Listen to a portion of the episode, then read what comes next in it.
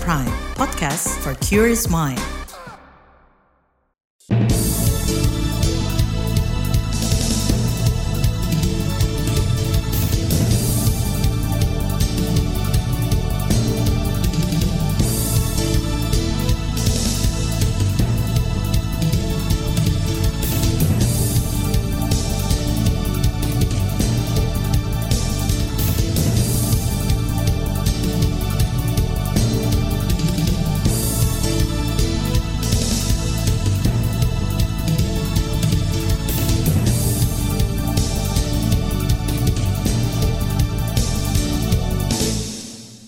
Selamat pagi saudara, senang sekali kami bisa menjumpai Anda melalui program Buletin Pagi edisi Rabu 22 Maret 2023. Bersama saya, Sindu Darmawan. Sejumlah informasi pilihan telah kami siapkan di antaranya pengesahan Perpu Cipta Kerja menuai protes dan kritik. Presiden Jokowi sebut korupsi jadi momok di semua provinsi. Hari Raya Nyepi, Pelabuhan Ketapang Gilimanuk ditutup. Inilah Buletin Pagi selengkapnya. Terbaru di Buletin Pagi. Saudara DPR akhirnya mengesahkan rancangan peraturan pemerintah pengganti Undang-Undang Perpu Cipta Kerja menjadi Undang-Undang. Keputusan itu disampaikan Ketua DPR Puan Maharani dalam sidang paripurna kemarin. Kami akan menanyakan kepada setiap fraksi apakah rancangan undang-undang tentang penetapan peraturan pemerintah pengganti Undang-Undang Perpu nomor 2 tahun 2022 tentang Cipta Kerja menjadi undang-undang dapat disetujui untuk disahkan menjadi undang-undang. Pengesahan Perpu Cipta Kerja mendapat penolakan dari dua fraksi, yaitu Demokrat dan Partai Keadilan Sejahtera (PKS). Anggota Komisi Hukum DPR dari fraksi Demokrat Hinca Panjaitan beralasan tidak ada alasan kegentingan memaksa untuk menerbitkan Perpu Cipta Kerja. Dalih ini berulang kali disampaikan pemerintah. Kedua, Undang-Undang Cipta Kerja ini berpotensi memberangus hak-hak buruh di tanah air. Ketiga, kami mempertanyakan prinsip keadilan sosial, social justice dari Undang-Undang Cipta Kerja ini. Apakah sesuai konsep ekonomi Pancasila ataukah justru sangat bercorak kapitalistik dan neoliberalistik? Keempat, proses pembahasan hal-hal krusial dalam RUU Cipta Kerja ini kurang transparan dan akuntabel. Sementara itu, fraksi PKS memilih keluar dari sidang atau walkout saat paripurna DPR meminta persetujuan pengesahan Perpu Cipta Kerja. Merespons pengesahan Perpu Cipta Kerja, kalangan buruh menyerukan mosi tidak percaya terhadap DPR. Presiden Konfederasi Serikat Pekerja Indonesia KSPI, Said Iqbal, mengajak masyarakat memberikan sanksi politik terhadap partai yang mendukung pengesahan bilit itu. Mogok nasional kami rencanakan di antara bulan Juli Agustus karena kami menghormati bulan Ramadan. Sedangkan aksi mingguan itu setiap hari Selasa, ya serempak di seluruh Indonesia. Jadi masih aksi. Untuk di Jakarta dipusatkan di DPR RI. Selain aksi mingguan, ada long march, ada petisi satu juta rakyat menolak Omnibus Law, Undang-Undang Cipta Kerja. Presiden KSPI Said Iqbal mengeklaim mogok nasional akan diikuti 5 juta buruh di 38 provinsi. Dia bersama serikat buruh juga akan mengajukan uji formil dan material Perpu Cipta Kerja ke Mahkamah Konstitusi. Said mengatakan ada delapan poin penolakan buruh di antaranya terkait upah rendah, pesangon, hingga tidak ada kompensasi untuk buruh perempuan saat cuti haid maupun melahirkan. Saudara pengesahan Perpu Cipta Kerja juga menuai kecaman dari Lembaga Hikmah dan Kebijakan Publik LHKP Muhammadiyah. Ketua LHKP Muhammadiyah Ridho Alhamdi memastikan organisasinya konsisten menolak Perpu. Sejak Omnibus Law, Muhammadiyah menolak, terus kemudian MK meminta untuk dua tahun segera direvisi, bukannya merevisi permintaan MK, tapi malah keluar perpu. Ini justru perpu malah dijadikan undang-undang. Lagi-lagi memang DPR kita ini tidak mendengarkan mayoritas keinginan publik yang menolak undang-undang cipta kerja gitu. Artinya kan ini merugikan terutama dalam hal uh, pekerja atau buruh, termasuk dalam hal, hal lingkungan di berbagai daerah. Ketua LHKP Muhammadiyah, Ridho Alhamdi menilai, tindakan pemerintah dan DPR mengesahkan Perpu Cipta Kerja seperti mengebiri demokrasi. Sebab kata dia, proses pembuatan dan pengesahannya minim partisipasi masyarakat. Sementara itu, Yayasan Lembaga Bantuan Hukum Indonesia YLBHI mendorong masyarakat melakukan protes terhadap pengesahan Perpu Cipta Kerja. Ketua Umum YLBHI Muhammad Isnur mengatakan, bilit itu tidak memiliki dasar hukum yang kuat. Masyarakat tentu berhak marah. Ya. apalagi korban-korban yang selama ini menjadi korban akibat dari adanya undang-undang cipta kerja. Kemudian masyarakat juga berhak untuk melakukan pembangkangan sipil atau civil disobedience dan berhak untuk menyampaikan ekspresinya di ruang-ruang terbuka dan dijamin ekspresinya tersebut pendapat tersebut dan dilindungi uh, oleh pemerintah gitu. Masyarakat ya tapi juga akademisi kita juga belum mendengar suara akademisi kita belum mendengar suara kampus kita belum mendengar suara ahli-ahli hukum ya. Walaupun kemudian beberapa ahli hukum sudah bicara Ketua Umum YLBHI Muhammad Isnur juga tak yakin Mahkamah Konstitusi akan mengabulkan pengujian Perpu. Sebab kata dia integritas para hakim dipertanyakan usai MK diterpa kasus perubahan frasa putusan. Saudara Presiden Joko Widodo menyebut korupsi menjadi momok di semua provinsi. Tetaplah di Buletin Pagi KBR. You're listening to KBR Pride, podcast for curious mind. Enjoy!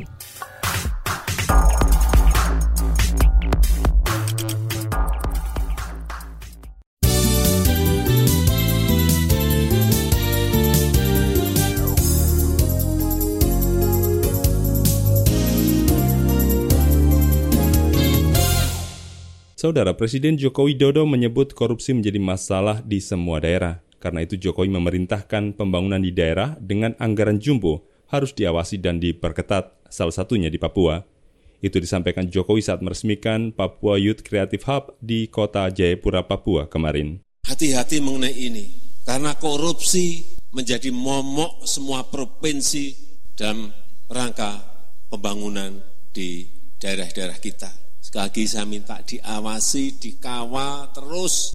Presiden Jokowi menyebut sejak 2014 pembangunan infrastruktur di Papua telah menghabiskan anggaran lebih dari satu kuadriliun. Jokowi meminta seluruh pihak terus mengawal pembangunan di bumi cendrawasih. Saudara DPR menyetujui rancangan undang-undang tentang perlindungan pekerja rumah tangga atau RUU PPRT menjadi usul inisiatif DPR.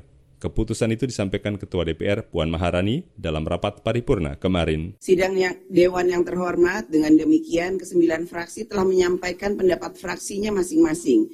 Kini tiba saatnya kami menanyakan kepada sidang Dewan yang terhormat, apakah RUU usul inisiatif Badan Legislasi DPR RI tentang perlindungan pekerja rumah tangga dapat disetujui untuk disahkan menjadi RUU usul DPR RI? Sebelumnya, Presiden Joko Widodo mendorong jajaran terkait mempercepat pengesahan RUU PPRT. Itu lantaran RUU PPRT sempat mangkrak lebih dari 19 tahun. Jokowi menegaskan komitmen dan upaya keras pemerintah melindungi pekerja rumah tangga. Kita ke informasi pemilu. Kabar Pemilu Kabar Pemilu Komisi Yudisial KY diminta segera memanggil Hakim Pengadilan Negeri Jakarta Pusat yang memutus penundaan pemilu. Itu disampaikan anggota Komisi Bidang Hukum DPR dari fraksi PKS, Abu Bakar Al-Habsyi, saat rapat dengan KY di Gedung Parlemen Jakarta kemarin. Menurutnya, KY perlu memeriksa para hakim karena putusannya menimbulkan polemik di masyarakat. Saya mendengar bahwa KY berencana akan manggil majelis hakim yang memutuskan penundaan pemilu. Apakah ini dipanggil karena ada laporan dan pelanggaran etik atau bagaimana nih hakim-hakim ini? Jangan aneh-aneh, minta-minta di lobby-lobby sama kelompok sepihak sedikit ke PN jadi tuh barang. Enak aja. Jangan gitu dong, bernegara jangan begitu dong, jangan kayak sandiwara lah. Dan status apa mereka mau dipanggil KY yang kayak, kayak begini? KY nggak boleh diam. Jangan diam aja Anda lihat kayak begitu, panggil. Sebelumnya, Saudara Pengadilan Negeri Jakarta Pusat mengabulkan gugatan Partai Rakyat Adil Makmur Prima terhadap Komisi Pemilihan Umum KPU. Salah satu bunyi putusan itu ialah menunda pemilu hingga Juli 2025. Gugatan diajukan Prima karena tak lolos sebagai peserta pemilu 2024. KPU telah banding atas putusan tersebut. Masih soal pemilu, Saudara Menteri Koordinator Bidang Politik Hukum dan Keamanan Menko Polhukam Mahfud MD melarang politik praktis melalui ceramah di tempat ibadah sebab hal itu bakal menimbulkan perpecahan. Ini disampaikan Mahfud usai acara Simposium Nasional Kedamaian Berbangsa menuju Pemilu 2024 tanpa politisasi agama di sekolah partai PDIP kemarin. Kalau politik praktis, jangan di masjid, jangan di pesantren, jangan di gereja juga. Karena apa politik praktis itu adalah pilihan yang beda-beda di antara setiap orang. Kalau dikampanyekan di masjid, di gereja, dan sebagainya itu menimbulkan perpecahan. Kopol Hukam Mahfud MD mengatakan ceramah politik di tempat ibadah boleh saja, asal muatan yang disampaikan merupakan politik kebangsaan, politik kenegaraan, politik kemanusiaan atau kerakyatan. Kita ke informasi hukum. Pusat Pelaporan dan Analisis Transaksi Keuangan PPATK memastikan laporan analisis transaksi sekitar 340 triliun rupiah di Kementerian Keuangan terindikasi tindak pidana pencucian uang TPPU. Itu disampaikan Kepala PPATK, Ivan Yustia Vandana, merespons pertanyaan Wakil Ketua Umum Komisi DPR, Desmond Junaidi Mahesa, saat rapat kerja kemarin. PPATK yang diekspos itu TTPU atau bukan? TPPU, pencucian uang. Yang 300 itu TPPU? Itu hasil analisis dan hasil pemeriksaan tentunya TPPU. Jika tidak ada TPPU, tidak akan kami sampaikan. Tidak, tegas saja. TPPU? TPPU. Ya. Kepala PPATK Ivan Yustia Vandana menambahkan temuan itu berdasarkan data analisis dan hasil pemeriksaan yang telah dilakukan dalam kurun waktu 10 tahun terakhir. Sebelumnya, Saudara Menko Polhukam Mahfud MD menerima laporan dari PPATK terkait transaksi janggal hingga 300 triliun di Kemenkyu. Setelah bergulir, jumlah itu bertambah menjadi 340-an triliun rupiah. Majelis Hakim Pengadilan Negeri Jakarta Pusat mengabulkan permohonan gugatan class action keluarga korban gagal ginjal akut. Dalam sidang kemarin, Majelis Hakim menilai gugatan class action yang diajukan sudah sesuai aturan. Dengan begitu, persidangan akan berlanjut dengan penyusunan draft terkait perkara tersebut. Hingga bulan lalu, korban tewas akibat gagal ginjal akut mencapai 320-an orang. Kita ke soal lain, Saudara. Menteri Perhubungan Budi Karya Sumadi mengimbau masyarakat menghindari bepergian pada puncak arus balik mudik lebaran.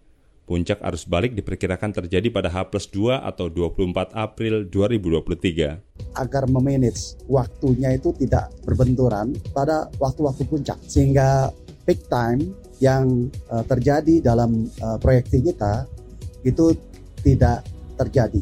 Kata-kata 10 hari sebelum lebaran atau setelah lebaran atau keliling kota saja tidak pulang gitu ya. Sebelumnya Kemenhub memperkirakan pergerakan orang setelah lebaran akan mencapai 27 juta orang atau sekitar 22 persen dari jumlah pemudik tahun ini. Kementerian Agama akan menggelar sidang isbat penetapan 1 Ramadan 1444 Hijriah pada sore nanti. Direktur Jenderal Bimas Islam Kemenak, Kamarudin Amin, mengatakan sidang akan didahului dengan pemaparan posisi hilal. Kemenak telah menetapkan lebih dari 120 lokasi pemantauan hilal di seluruh Indonesia. Kita ke soal ekonomi. Wakil Menteri Keuangan Su'a Hasil Nazara yakin pertumbuhan ekonomi Indonesia mencapai 5% di tahun ini. Dia mengeklaim perekonomian Indonesia masih kokoh menghadapi ketidakpastian global. Outlook pertumbuhan ekonomi kita masih sangat kuat 2023 ini kita harapkan ada di atas 5,0 persen, 5,0 sampai 5,3 persen. Dan ini kita harapkan akan terus memberikan dorongan kepada perekonomian kita yang akan harus terus tumbuh. Wamenkyu Suahasil Nazara optimistis inflasi 5,5 persen nasional akan makin turun di kisaran 3,6 persen pada akhir tahun. Kita beralih ke berita mancanegara. China mengeklaim Presiden Vladimir Putin siap melakukan perundingan damai dengan Ukraina. Menurut China, Putin menyampaikan kesiapan itu saat bertemu Presiden Xi Jinping kemarin. Dilansir dari CNN, media pemerintah China Xinhua melaporkan Putin sudah mempelajari usulan penyelesaian konflik yang disodorkan negeri tirai bambu. Kita ke informasi olahraga. Timnas Indonesia mulai menggelar latihan menjelang laga persahabatan melawan Burundi skuad Garuda menjalani latihan perdana pemulihan fisik di Stadion PT IKA Jakarta Senin lalu. Pelatih Sintayong tak mengetahui persis peta kekuatan Burundi, namun dia tak ingin anak asuhnya menganggap remeh lawan. Dalam laga melawan Burundi, Tayong memanggil 28 pemain, termasuk Asnawi Mangku Alam, Pratama Arhan, dan Jordi Amat yang bermain di Liga Luar Negeri. Laga akan digelar dua kali, yakni pada 25 dan 28 Maret. Saudara DPR menyetujui permohonan pertimbangan pemberian kewarganegaraan Republik Indonesia kepada empat atlet luar negeri dalam rapat paripurna kemarin. Tiga atlet dari cabang sepak bola yaitu Justin Quincy Hubner, Ivan Jenner, dan Rafael William Strick. Ketiganya dari Belanda, sedangkan satu atlet basket Jerome Anthony asal Amerika Serikat.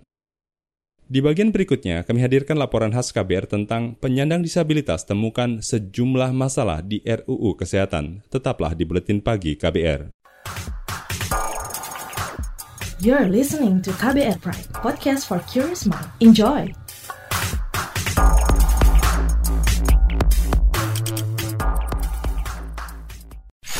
Commercial break. Commercial break. Ada kesedihan, air mata, dan trauma. Namun ada juga gelak tawa, bahagia, dan rasa bangga. Cerita kehidupan manusia adalah perjuangan dan pembelajaran. Pertanyaan di balik itu secara psikologi, apakah dia punya niat membunuh? Kan belum tentu. Saya kaget ketika ada konflik sesama orang Madura sendiri mengatasnamakan aliran keagamaan. Sejak itu, warga Syiah harus mengungsi sampai sekarang. Untuk kehidupan saya pada waktu itu aja nggak menentu kan. Boro-boro mikirin untuk perpustakaan gitu. Saga, cerita tentang nama, peristiwa, dan fakta. Liputan khas KBR ini telah memenangkan berbagai penghargaan nasional dan internasional. Anda sedang mendengarkan program Saga Produksi KBR. Simak di program Buletin Pagi pukul 6 waktu Indonesia Barat, Buletin Sore pukul 16 waktu Indonesia Barat, dan KBR Pagi pukul 7 waktu Indonesia Barat. Dengarkan Saga di radio jaringan KBR di Nusantara atau streaming di kbr.id. Saga juga hadir dalam bentuk podcast di kbrprime.id. KBR, inspiratif, terpercaya.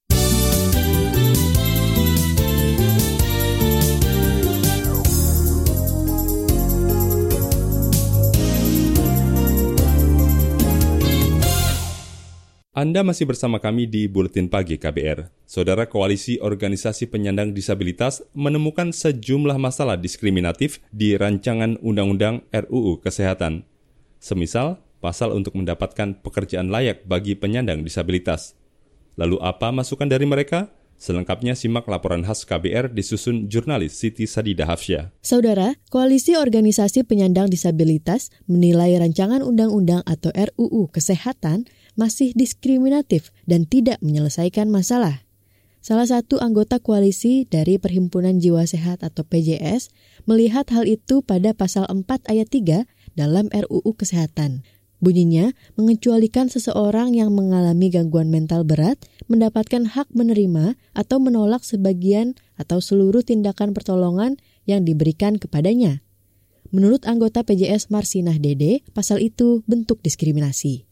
Kenapa kami melihat bahwa hak untuk menerima dan menolak layanan kesehatan itu penting bagi penyandang disabilitas psikososial? Karena inilah yang uh, salah satu alasan kenapa penyandang disabilitas psikososial sering dimasukkan ke dalam panti, dimasukkan ke dalam rumah sakit jiwa tanpa persetujuan darinya.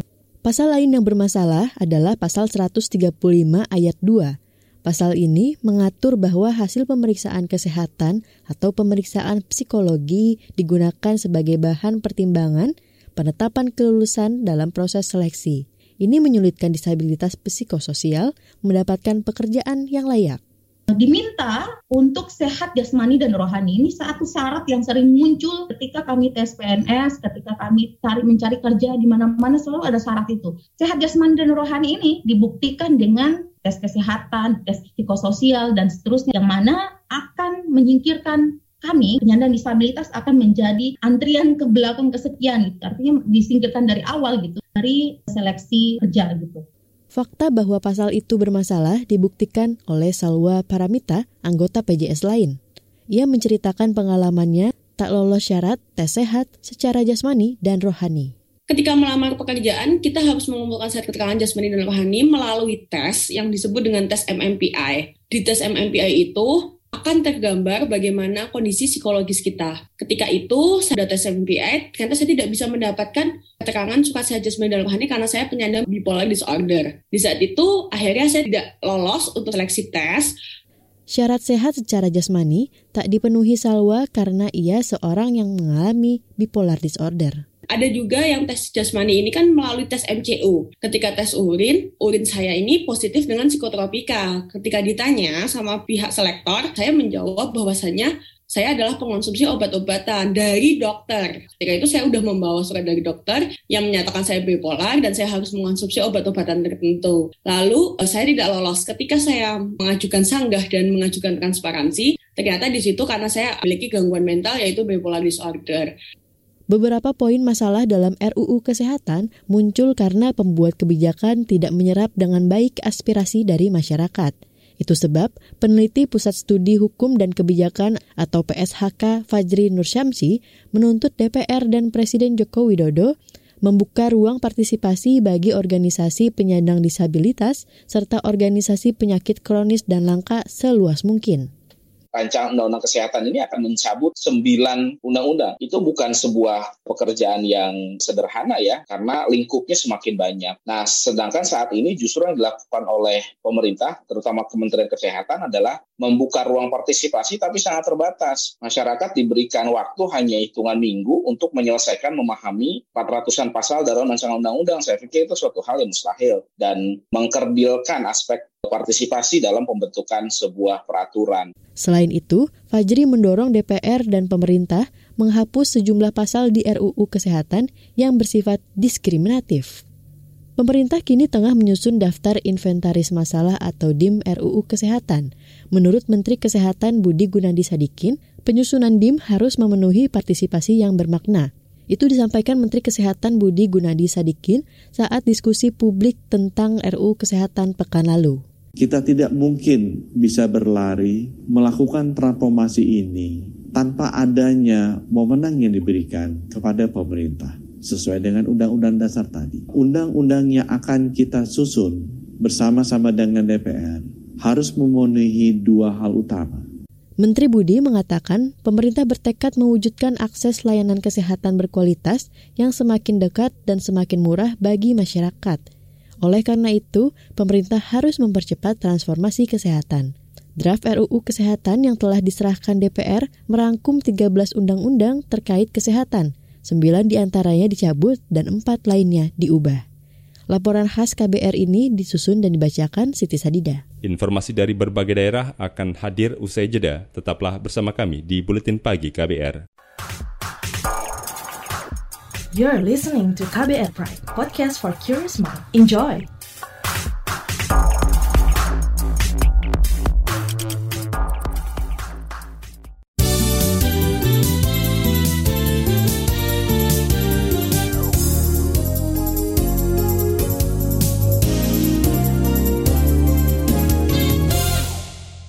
Inilah bagian akhir buletin pagi KBR. Saudara Presiden Joko Widodo memerintahkan upaya pembebasan pilot Susi Air asal Selandia Baru dilakukan dengan hati-hati. Pilot bernama Philip Mark Merten itu disandera kelompok bersenjata pimpinan Egyanus Kogea sejak awal Februari lalu. Tadi malam kita rapat internal, ya, salah satunya membahas itu. Yang paling penting dengan penuh kehati-hatian agar tetap keselamatan menjadi yang utama. Pak permintaan ya. dari pilot-pilot untuk uh, ke keamanan udara karena rata-rata yang melayani rute gunung ini ya, pada tadi, ma tadi malam sudah kita bicarakan mengenai itu. Oke. Nanti ditanyakan ke Kapolri atau ke Panglima ya. Sebelumnya, pilot Susi Air Philip Mark disandera Tentara Pembebasan Nasional Papua Barat, Organisasi Papua Merdeka, TPNPB OPM. Philip disandera usai pesawat yang ia kemudikan dibakar di area Nduga. Kita bergeser ke Jawa Tengah. Ratusan rumah di Jawa Tengah rusak diterjang angin puting beliung Senin sore. Kepala Badan Penanggulangan Bencana Daerah BPBD Kabupaten Semarang, Juwair Suntara, mengatakan kerusakan mayoritas terjadi di Kecamatan Bancak. Bencana itu juga menyebabkan sejumlah warga luka dan dilarikan ke puskesmas. Senin, kemarin dari Senin sekitar pukul 2 uh, eh, ada hujan dengan intensitas tinggi dan diikuti oleh angin puting beliung uh, kerusakan rumah yang disebabkan oleh puting angin puting beliung uh, juga diakibatkan oleh uh, tertimpa pohon juga uh, diakibatkan oleh angin puting beliung. Terakhir ini tadi sekitar 165 yang tertimpa katanya. Juwair menambahkan ratusan warga terdampak angin puting beliung masih bertahan di rumah masing-masing. Dia mengimbau masyarakat terus memantau informasi cuaca dari Badan Meteorologi, Klimatologi, dan Geofisika BMKG. Terakhir kita ke Bali, Pelabuhan Ketapang Banyuwangi menutup operasional penyeberangan Ketapang Gilimanuk saat Hari Raya Nyepi 2023. Kedua pelabuhan ditutup sejak dini hari tadi hingga Kamis pagi. Manajer Umum PT ASDP Ketapang Banyuwangi Muhammad Yasin mengatakan penutupan dilakukan untuk menghormati umat Hindu di Pulau Bali yang melaksanakan catur berata nyepi. Untuk uh, kendaraan yang sudah terlanjur di dalam perjalanan dan uh, harus menunggu di dalam pelabuhan maka mereka harus uh, istilahnya istirahat di dalam pelabuhan dan kantong-kantong yang sudah kita siapkan. Seperti di terminal super uh, manuper ya terminal manuper milik Pemda di wilayah Gilimanuk dan terminal uh, kargo di wilayah Cekek pertigaan. Itu itu bisa menampung 3.000 sampai 4.000 unit uh, kendaraan. Muhammad Yasin menambahkan ASDP juga telah menyiapkan 50-an kapal untuk mengantisipasi lonjakan kendaraan di Pelabuhan Ketapang dan Gilimanuk. Informasi tadi menutup jumpa kita di Buletin Pagi hari ini. Pantau juga informasi terbaru melalui kabar baru, situs kbr.id, Twitter kami di akun @beritaKBR serta podcast di alamat kbrprime.id. Akhirnya saya Sindu Darmawan bersama tim yang bertugas undur diri. Salam.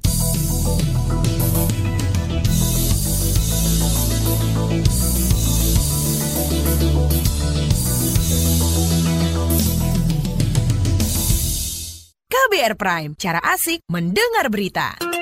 KBR Prime, podcast for curious mind.